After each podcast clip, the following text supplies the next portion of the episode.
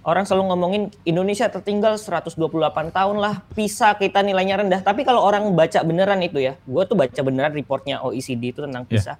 Sebenarnya motivasi anak Indonesia tuh tinggi loh. Dia tuh okay. sadar pendidikan penting. Mm -hmm. Dia senang mempelajari sains. Kok ini semua gak berubah jadi performa yang bagus? Ada yang salah kan di situ. Di tengah-tengahnya. Podcast ngobrolin startup dan teknologi bareng gue Imbre dan kali ini kita udah kedatangan Kak Roshan, CEO dari Pahamify. Kita panggilin aja. Halo Kak Roshan. Halo, halo Imre. Thank you ya udah mau diajakin ngobrol. Thank you banget udah diajakin ngobrol juga. nunggu-nunggu juga nih kapan masuk podcast ini.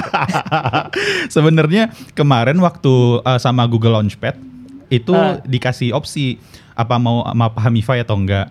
Terus gue bilang uh, Pahamify nanti aja deh. Jadi satu dari Google-nya, satu lagi dari startup yang ikut Launchpad akselerator. Oh. Terus gue cari yang lain aja deh, biar nanti kalau sama Pahamify gue langsung ke Roshan aja, gue gituin. okay. uh, jadi kayak gitulah kira-kira. Jadi uh, siang ini uh, gue berencana untuk ngajakin lo ngobrol tentang pendidikan.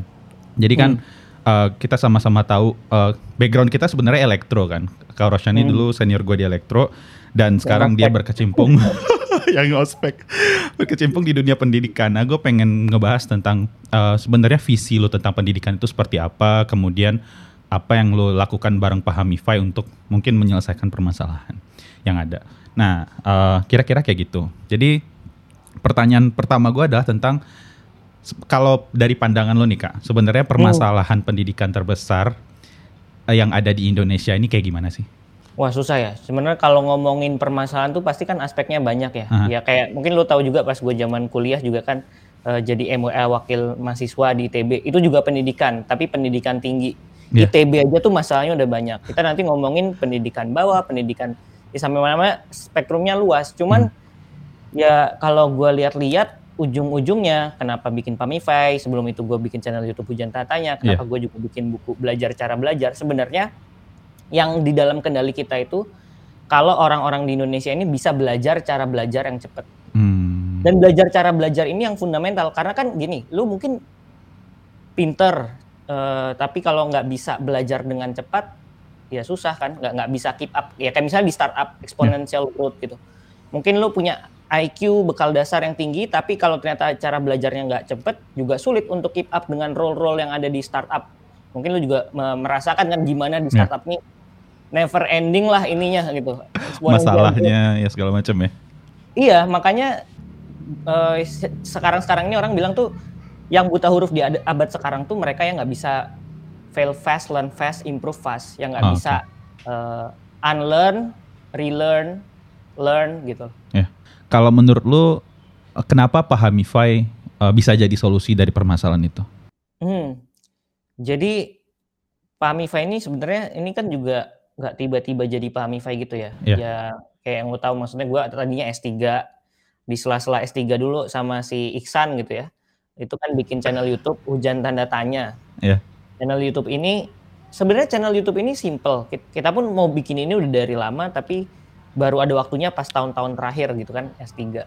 Ternyata pengetahuan-pengetahuan yang menurut kita waktu itu simple itu buat siswa berarti banget. Misalnya kayak ngejelasin tentang sisdik sisdik sistem digital ya. Pada hakikatnya kan itu cuma ngejelasin gimana informasi dikirim dalam satu dan nol, nah. tapi kita orang tuh perlu tahu dulu. In short, ini ngapain sih? Hmm. Nah, ternyata dengan kita mempermudah itu, mempermudah cara komunikasinya dengan seru, orang tuh jadi tertarik untuk belajar lebih gitu. I see. Nah, kalau orang nanti udah nemu bahwa dia senang belajar, belajar nggak jadi beban, nanti dia tuh mau mewujudkan potensinya tuh gampang gitu. I see. Kayak karena dia belajar terus kan, apa-apa belajar, apa-apa belajar, tiba-tiba dia jadi tahu ngeksplor dirinya sendiri, ngeksplor sekitarnya, tiba-tiba dia belajarnya cepat. Nah, makanya harus dengan senang belajar dulu. Oh, dan itu yang lu bahas tadi juga untuk tahu gimana caranya belajar yang pertama adalah dengan senang dulu. Iya. Kan ini either lu udah senang belajar dari sononya atau lu sebenarnya nggak tahu kalau ternyata belajar bisa menyenangkan kan. Iya, iya, iya. Nah, iya. ketika di channel YouTube itu kita ngerasa oh ternyata kita itu baru ngombinasikan yang namanya filmmaking sama the science of learning. Maksudnya yeah. waktu itu kan gue sama Isan S3 kita diajarin cara ngajar yang ideal dan cara ngajar yang ideal ini pun kalau ya di universitas mana pun bahkan yang top-top di dunia, mm-hmm. dosen-dosennya juga belum tentu mempraktekkan walaupun yeah, tahu yeah. Karena nggak incentivize, nggak nggak nggak ada waktu, nggak ada resource dan nggak ada nggak dapat bonus juga. Dia ngajar super sama pakai slide tahun lalu aja nggak ada bedanya gitu. Iya karena kalau gue lihat tuh uh, materi-materinya yang ada di Pahamify itu animasi dan segala macam itu kan effort banget kan dan waktu gue kuliah pun bahkan ketika gue kuliah S2 ya materi dosen tuh ya teks teks teks lagi iya. teks lagi gitu kan. Iya iya. Karena itu sebenarnya nge-solve si bisnis proses yang harusnya tuh ada yang nge ngejalanin ini tapi nggak ada missing okay. karena kalau orang kan selalu ngomongin ya orang selalu ngomongin Indonesia tertinggal 128 tahun lah, PISA kita nilainya rendah. Tapi kalau orang baca beneran itu ya, gue tuh baca beneran reportnya OECD itu tentang PISA. Yeah. Sebenarnya motivasi anak Indonesia tuh tinggi loh. Dia tuh okay. sadar pendidikan penting. Mm -hmm. Dia senang mempelajari sains. Kok ini semua gak berubah jadi performa yang bagus? Ada yang salah kan di situ. Di tengah-tengahnya bolong. Sebenarnya cara Pamifa itu di situ dengan kita kombinasikan filmmaking, uh, science of learning, learning science sama game design. Oke. Okay. Makanya CTO kita kan sebenarnya Edria IF 2007 gua ya mungkin yeah. lo waktu itu kenal ya yang pas uh, uh, sempat ketemu ya. Iya yeah, iya. Yeah. Nah, dia kan lebih ke game gitu. Dia hmm. dia bahkan dulu pas zaman masih mahasiswa dia menang yang itu dipublish sama Square Enix gitu kan. Oke. Okay. Bikin education games. Makanya oh kita kalau mau bikin benar-benar jadi apps dan itu karena dari audiensnya channel YouTube Hujan Tanda Tanya juga dulu. Mm-hmm. Oh ya udah, nggak cukup cuman science of learning digabung sama filmmaking, kita harus ada apps yang benar-benar gamified gitu, biar orang senang. Tapi dengan uh, produksi yang menurut gue relatif lebih sulit kan ketimbang lo ada orang rekaman, itu hmm. apakah secara bisnis masih bisa menguntungkan kak? Nah, secara bisnis interestingly ini ya kalau dihitung-hitung kita kita dulu juga diragukan ya oleh yeah. Y Combinator. Yeah. Maksudnya banyak youtuber top gitu ya, terus dia mau bikin apps, somehow dia nggak bisa scale up production ini. Mm-hmm. Tapi kita figure that out, yang mungkin orang mikir, wah, lu bikin konten seberapa murah sih? Pas oh, kita, okay. orang tahu angkanya, ya tercengang lah mereka. Kok bisa efisien dan sebagus ini? Dan I itu gue tahu orang-orang mencoba juga cuman struggling lah mereka iya iya oh berarti triknya itu gimana caranya lu nge menekan biaya produksinya ya tapi ya mungkin dengan berbagai macam teknologi juga kayak automation dan segala macam gitu ya iya sebenarnya intinya sih kita harus continuously ngulik proses produksinya sih oh ya kayak misalnya kalau gue nih harus bikin video kayak gitu mungkin kalau gue kerjain sendiri uh, bisa cuman sehari dua hari gitu. Iya, yeah, iya. Yeah. Tapi kalau misalnya mau nge-scale lebih banyak dengan lebih banyak orang, itu depends bisa jadi orang kayak gue dengan uh, banyak tim belum tentu bisa skill lebih banyak itu depends on kita ngehack uh, prosesnya sebenarnya. I see, menarik.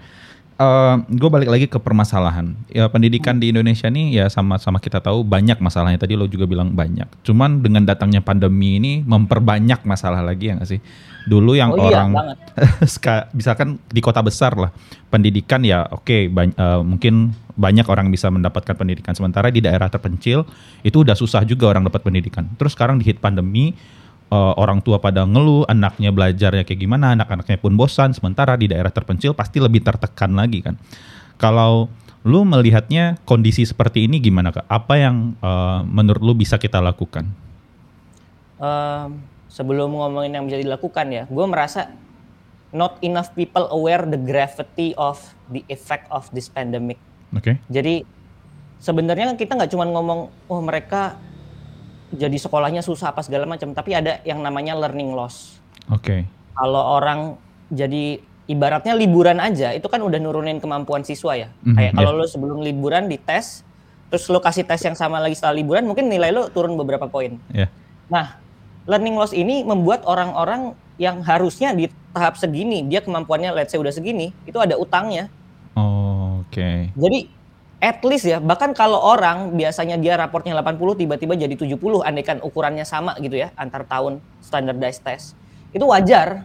Iya. Yeah. Itu udah udah sangat mungkin terjadi kecuali orangnya uh, suka belajar dengan ini ya. Maksudnya mungkin beberapa individual bisa thrive gitu karena dia udah yeah. bisa belajar pribadi, udah senang belajar gitu.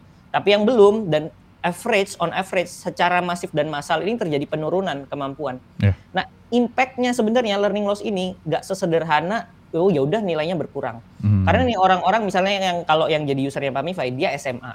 Yeah. Nah dia kuliah dengan kemampuan juga kurang. Udah yeah, ada utangnya, literasi yang kurang, uh, penalaran yang kurang. Pokoknya semuanya jadi kurang gitu dibanding kalau nggak ada pandemi. Yeah, yeah. Nah efeknya apa? Nanti ketika dia kuliah pun kurang, bahkan lulus kuliah pun kurang. Itu impactnya bisa ke income dia se oh, seumur hidup. Itu bisa turun bahkan sampai tiga persen tuh bisa. Gue juga baca beberapa riset dari UN gitu. Bisa sampai tiga persen dan itu kalau hmm. banyak yang ngalamin berarti kan ekonomi bangsa juga yang turun sebenarnya. Dan efeknya dirasakan nggak langsung ya. Gak Walaupun langsung, pandemi udah selesai masih, pasti akan ada berasa. Iya, masih masih jangka panjang. Mungkin 2000 sekian kita baru tahu hasilnya ketika mereka masuk job market gitu. Iya sih. Itu learning loss yang lu maksud tadi itu apakah karena uh, mereka nggak ke sekolah atau karena apa sih? Karena kan sekarang sekolah online, ya guru-guru juga ngasih materi yang sama, mungkin cara penyampaian yang berbeda. Uh, learning loss ini contohnya yang lebih konkretnya seperti apa? Apakah karena mereka hmm. kehilangan sosialisasi dan segala macam? Ya macam-macam ya. Cuman salah satunya itu. Kalau misalnya dia di kelas datang nanya kita interaksi bahkan kayak hmm. online kayak gini kan at least lo bisa ngelihat muka gue gimana nih anak-anak ngerti nggak sih? Iya iya. Ini ya, kan ya, kayak Iya, iya betul. Kita nggak ngerti, kita nggak bisa kontrol si siswa ini. Makanya ngajar online tuh susah. Mm-hmm. Uh, ngajar online, ngajar secara digital tuh beda dengan kita ngajar langsung. Dan di Pamify itu juga kita constantly ngobrol sama guru-guru juga. Mereka juga merasakan kesulitan. Gue pun juga sharing ke guru-guru juga. Kita juga ada community orang tua. Orang tua juga yang kayak lo bilang pusing juga gitu kan. Ya yeah. kombinasi dengan banyak hal ini, apalagi stres juga, nggak ada sosialisasi. Jadi feel-nya juga udah nggak kayak sekolah. Nggak yeah. termotivasi kalau dia ke sekolah dan kedisiplinannya, terstrukturnya, ada distraksi lagi, macam-macam. Jadi multiplier efeknya itu gede. Maksudnya efeknya ada banyak. Efeknya banyak. Ada iya uh, ya bahkan yang sesimpel kalau misalnya kita ngobrol sama guru ngajar sama kalau gurunya ngajar di Zoom, gurunya juga pasti ntar kagok ngajarnya gimana bagusnya online ini. Iya, Gue iya, kasih iya. soal aja kah atau kasih video kah? Nanti belum tentu ini cocok buat si siswanya. Belum lagi kalau nggak ada internet. Ini kita masih ngomongin orang yang masih tersentuh internet yang bisa iya, iya, betul. Zoom gitu. Iya, iya. Yang enggak tuh lebih parah lagi gitu. Ya misalkan kayak matematika, dulu kan kalau di sekolah dosen tuh ngajarin, ditulis satu-satu. Kalau sekarang gimana kalau seandainya gurunya nggak ada mungkin kayak apa sih yang pen-pen digital itu? Mereka nggak iya. bisa kan terpaksa dia jadinya nampilin teks-teks terus ujung-ujungnya siswanya bingung ini datangnya dari mana ya udah ada teksnya tiba-tiba nongol iya iya iya iya karena kan gue nggak tahu lu diajar Pak Fuad atau enggak ini yang salah diajar, satu diajar. yang gue ingat Pak Elektronika Fuad kan selalu uh, dia yeah. kan selalu pakai ini kan yeah. proyektor kan kenapa pakai itu karena itu ngikutin murid gitu kan uh, ngikutin yeah, yeah. Pikirannya murid murid nggak terdistraksi dengan over information tapi kita ngikutin oh murid tahu segini oh, kita lanjut lagi makanya itu ke kelihatannya kayak nggak high tech tapi itu works gitu kayak gue kalau ngajar kan gue tahun lalu juga ngajar selama 50 hari di jam 6 pagi ya, ya, ya, ya modal gue cuman ini pen pen tap ini gitu iya iya iya ya, ya. si siswanya gitu uh, tadi ngomong apa ya? Kok kita lompat-lompat ya? Sorry, kalau ngomong sama Gunter lompat-lompat nih kalau. Gak apa-apa, gak apa-apa. Jadi uh, gue nah karena lo tadi sempat ngebahas itu apakah yang lo lakukan yang tadi lo bilang 50 hari lo ngajar tiap jam hmm. 6 pagi kan ya? Hmm. Apakah itu sebenarnya salah satu upaya yang lo lakukan untuk uh, permasalahan tadi? Betul, betul. Hmm. Jadi gue menyadari si anak-anak ini kok ternyata banyak nggak pahamnya hal-hal yang basic gitu. Iya, iya, iya. Jadi ya. selama 50 hari itu sebenarnya dan kadang 50 hari itu gue ngajar cuman bahas satu atau dua soal tapi dibahas secara mendalam. Karena mungkin orang lain ngajar dalam satu jam bisa bahas berapa? 100 soal, berapa yeah. soal. Buat gue itu nggak penting kalau siswanya nggak paham. I see. Jadi gue berusaha membuat itu benar-benar kayak kelas online. Jadi eh kayak kelas offline tapi online. Jadi yeah, yeah. lewat dari jam 6 lewat 10 uh, eh, mereka nggak akan bisa masuk. Mereka I nontonnya see. dari YouTube. Kalau ada yang ribut-ribut, gue kick gitu. Okay. Kalau ada yang mau maju ke depan kelas nyoba, itu bisa juga. Jadi aktif banget maksudnya dan di situ gue senangnya karena ngerasanya kayak di luar negeri gitu. Maksudnya lo mungkin ngerasain juga kan kalau di luar yeah. kan orang aktif nanya iya, iya, nggak yeah, ngerti. Habis beres kul kuliah tuh uh, benar-benar nyamperin dosennya nanya. Nah gue pengen membuat environment yang seperti itu di belajar jam 6 pagi ini. Dan apakah itu terjadi langsung di awal atau butuh waktu sampai orang seperti itu kak? Nah sebenarnya itu tergantung kita set the tone-nya ya. Kalau Untungnya sih tahun lalu tuh kayak dari awal ya, itu udah pada aktif sih. Oke. Okay. Vibe-nya emang semangat karena jam 6 pagi gitu juga kan. Emang yeah, yeah. dan memang benar itu salah satu yang gue lakukan juga untuk lebih memahami apa yang bisa dibantu oleh Pamify untuk anak-anak ini dan selain itu dari guru-guru juga tahun ajaran lalu tuh kita puluhan sekolah itu memanfaatkan Pamify. Jadi guru-guru yang tergabung di komunitinya Pamify, mm-hmm. mereka udah pakai Pamify di kelasnya. Jadi anak-anaknya nonton video dulu, okay. baru sama gurunya tuh sekedar diskusi. Kalau hmm. lo familiar namanya flip based classroom. Iya iya iya. Ya. Gue dulu Jadi juga dibalik, kayak gitu. Ya lo juga kayak yeah. gitu lah ya. Kalau kalau di luar-luar universitas yang uh, top-top biasanya udah menerapkan itu. Nah, ini sebenarnya pandemi ini mempercepat bahwa kita harus kayak gitu. Jadi yeah, salah satu yang dilakukan Pamify itu uh, dan kita sekarang ada program sekolah bareng Pamify yang di jam sekolah semua bisa make sebenarnya. Hmm. Pamify mau yang langganan atau enggak, kita pengennya selama sekolah ini bisa membantu guru-guru sama siswa-siswa gitu. Oke, okay, ya ya. Soalnya dulu gue inget banget ketika awal-awal gue uh, kuliah itu di S2, gue malah kagok. Dulu kan kalau kuliah di TB ya, ya udah datang diajarin hmm. kan. Terus waktu S2 tiba-tiba kita tonton video ini dulu, besok dibahas.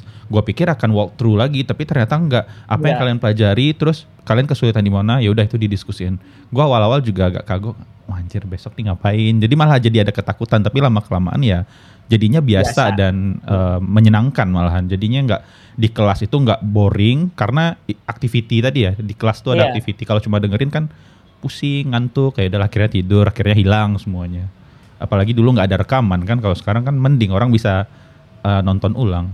Iya. Iya iya iya. Dan uh, uh, ada teman gue juga yang nanya apakah sebenarnya uh, yang lo lakukan itu adalah sebenarnya strategi marketing dari Pahamify juga kak yang lo lakukan di jam 6 pagi? Marketing jam 6 pagi. Yeah. Gue nggak tahu ya sebenarnya dibilang strategi marketing jatuhnya memang strategi, strategi marketing ya. Yeah. Cuman kalau storynya sendiri gini ya, gue sebagai bisnismen ini gue masih belajar. In a way kadang investor gue bilangnya gue terlalu nggak kayak bisnismen lah. Ini ngapain ngajar-ngajar gratis ini apa impactnya gitu? Iya yeah, iya yeah, iya. Yeah. Tapi maksudnya in a way itu tentunya strategi marketing. Yeah. Uh, karena pastinya orang jadi tahu lebih banyak tentang Pahamify tapi buat gue sendiri itu sesuatu yang gue sangat enjoy lakukan gitu maksudnya yeah. before before ngomongin marketing atau apa gue emang pengen ngerjain itu aja gitu iya betul betul gue pun juga merasakan hal yang sama kali ya. Orang juga nanya kenapa sih lu mau ngomong-ngomong di YouTube tentang ini ini ini tapi nggak ada apa-apanya? Ya karena gue senang aja sesederhana gue senang aja. Iya dan, dan Pahmifa ini jadi bisnis itu kan baru baru kapan gitu. Sebelumnya yang namanya pas bikin channel YouTube hujan tanya ya kita selalu bikin konten yang kualitasnya premium tapi for free gitu. Yeah, dan yeah. susah sih. Kalau sebenarnya malah karena kita pengen membuat itu tetap berdiri kita cari-cari cara gimana biar bisa survive ya ternyata harus ada bisnis modelnya yeah. kita tuh jadi bukan bikin bisnis dulu pengen bisnis di pendidikan baru bikin produknya seperti apa kita tuh punya produk yang nggak punya bisnis model dulu tadinya gitu dan apakah uh, channel YouTube Hujan Tanda Tanya itu yang membuat lo masuk ke Y Combinator atau Pahamify? Sebenarnya Pahamify-nya ya. Maksudnya okay. jadi jadi bingit channel YouTube Hujan Tanda Tanya ini dan itu kan udah kayak stempel ya. Kita waktu itu fastest rising channel. Yeah. Lalu habis itu Google juga nge-sponsorin series Learning How to Learn kita. Oke. Okay. Maksudnya Google udah nge-sponsorin gitu kan. Yeah, itu yeah. meyakinkan lah as kita uh, YouTube kreator yang bagus gitu. Tapi ya ketika mau masuk Y Combinator harus jadi bisnis dan it's about business model gitu kan. I see. Jadi ketika itu lo baru berpikir tentang gimana bisnis modelnya mau lo lakukan kayak gitu. Iya, jadi sebenarnya kan gua quit S3 2017 Januari gitu ya kalau nggak salah. Yeah. Gue lupa ya. Terus ya mencobalah peruntungan sebagai YouTuber edukasi yang wah susah sih. Susah. Memang maksudnya kadang lo kalau mikir tuh gini, kenapa nggak ada orang yang bikin gitu ya? Bisa jadi banyak orang yang udah bikin nggak survive sebenarnya. Iya, karena kalau gue sebagai konten kreator juga ngelihat sebenarnya ngapain sih gue capek-capek tapi dari segi view nih kalau gue ngelihatnya juga oh, nggak oh, iya. fantastis banget. Uh, ternyata emang sebenarnya uh, audiensnya itu kayaknya orang ke YouTube pengennya senang-senang. Makanya Betul. channel kayak gaming, kemudian channel-channel yang lain itu yeah. pada rame. Tapi satu sisi kalau seandainya gue berpikir kalau gue stop, ya nggak akan ada lagi orang-orang yang mau menyuarakan konten-konten seperti itu makanya gue ya udah ajar aja lah kayak gitu benar dan dan itu juga ya maksudnya doing startup is hard gitu yeah. ya gue pun melakukan belajar jam 6 pagi itu to be honest motivasi gue lebih selfish lagi bahkan bukan tentang company loh Iya. tentang gue mencari semangat hidup gitu jadi kalau gue belajar jam 6 pagi gue tahu jam 6 pagi ada yang nungguin gitu gue udah nggak sempet apa ya karena gue juga ada ups and downs ya uh, Iya. dalam startup ini ya kadang uh, burnout dan lain sebagainya even kayak depression atau apa dan belajar jam 6 pagi ini sebenarnya kalau buat gue yang menyelamatkan hidup gue gue jadi Hmm. punya spirit uh, untuk do something aja gitu untuk hidup untuk terus hidup gitu Iya iya iya. iya. fundamental gitu BTW eh, kemarin kalau nggak salah gue lihat tuh Fahmify habis eh, pindah ke kantor baru ya? Eh, iya Iya. kita kita udah berapa kali pindah kantor Eh, tiga ya sekarang ada di Jakarta tapi ya sekarang pandemi juga gitu jadi kita ada di Jakarta ada di Bogor sih di Bogor lebih ke studio-studio I see. gue penasaran kak, satu pertanyaan lagi tentang Fahmify. Eh di awal pun lu nargetinnya SMA kan ya? iya Sampai sekarang masih SMA aja atau udah ke SD SMP? masih nah pertanyaan gue adalah kenapa? Karena kan edtech yang lain tuh ya mencangkau K-12 yang lebih luas kan. Pertanyaannya adalah kenapa eh, lu masih stay dengan SMA dan sebenarnya apa alasannya dibalik lu pengen fokus banget ke SMA? Iya. Pertama banget ya kenapa SMA karena waktu itu channel YouTube kita isinya anak-anak SMA hujan I tanda see. tanya waktu itu. Jadi berapa ratus ribu subscriber itu seratusan ribu ya kalau nggak salah. Itu ya banyakan SMA. Mereka yang sebenarnya minta kak bikin ini dong bimbel online. Jadi sebenarnya mereka yang suggest karena mereka suka nih video-video yang sebenarnya kan waktu itu lebih kayak bahas bahasan sehari-hari ya popular Iya. science gitu. Iya. Cuman mereka pengen selalu bilang kayak wah coba guru gua kayak eh, Hutata ini gitu.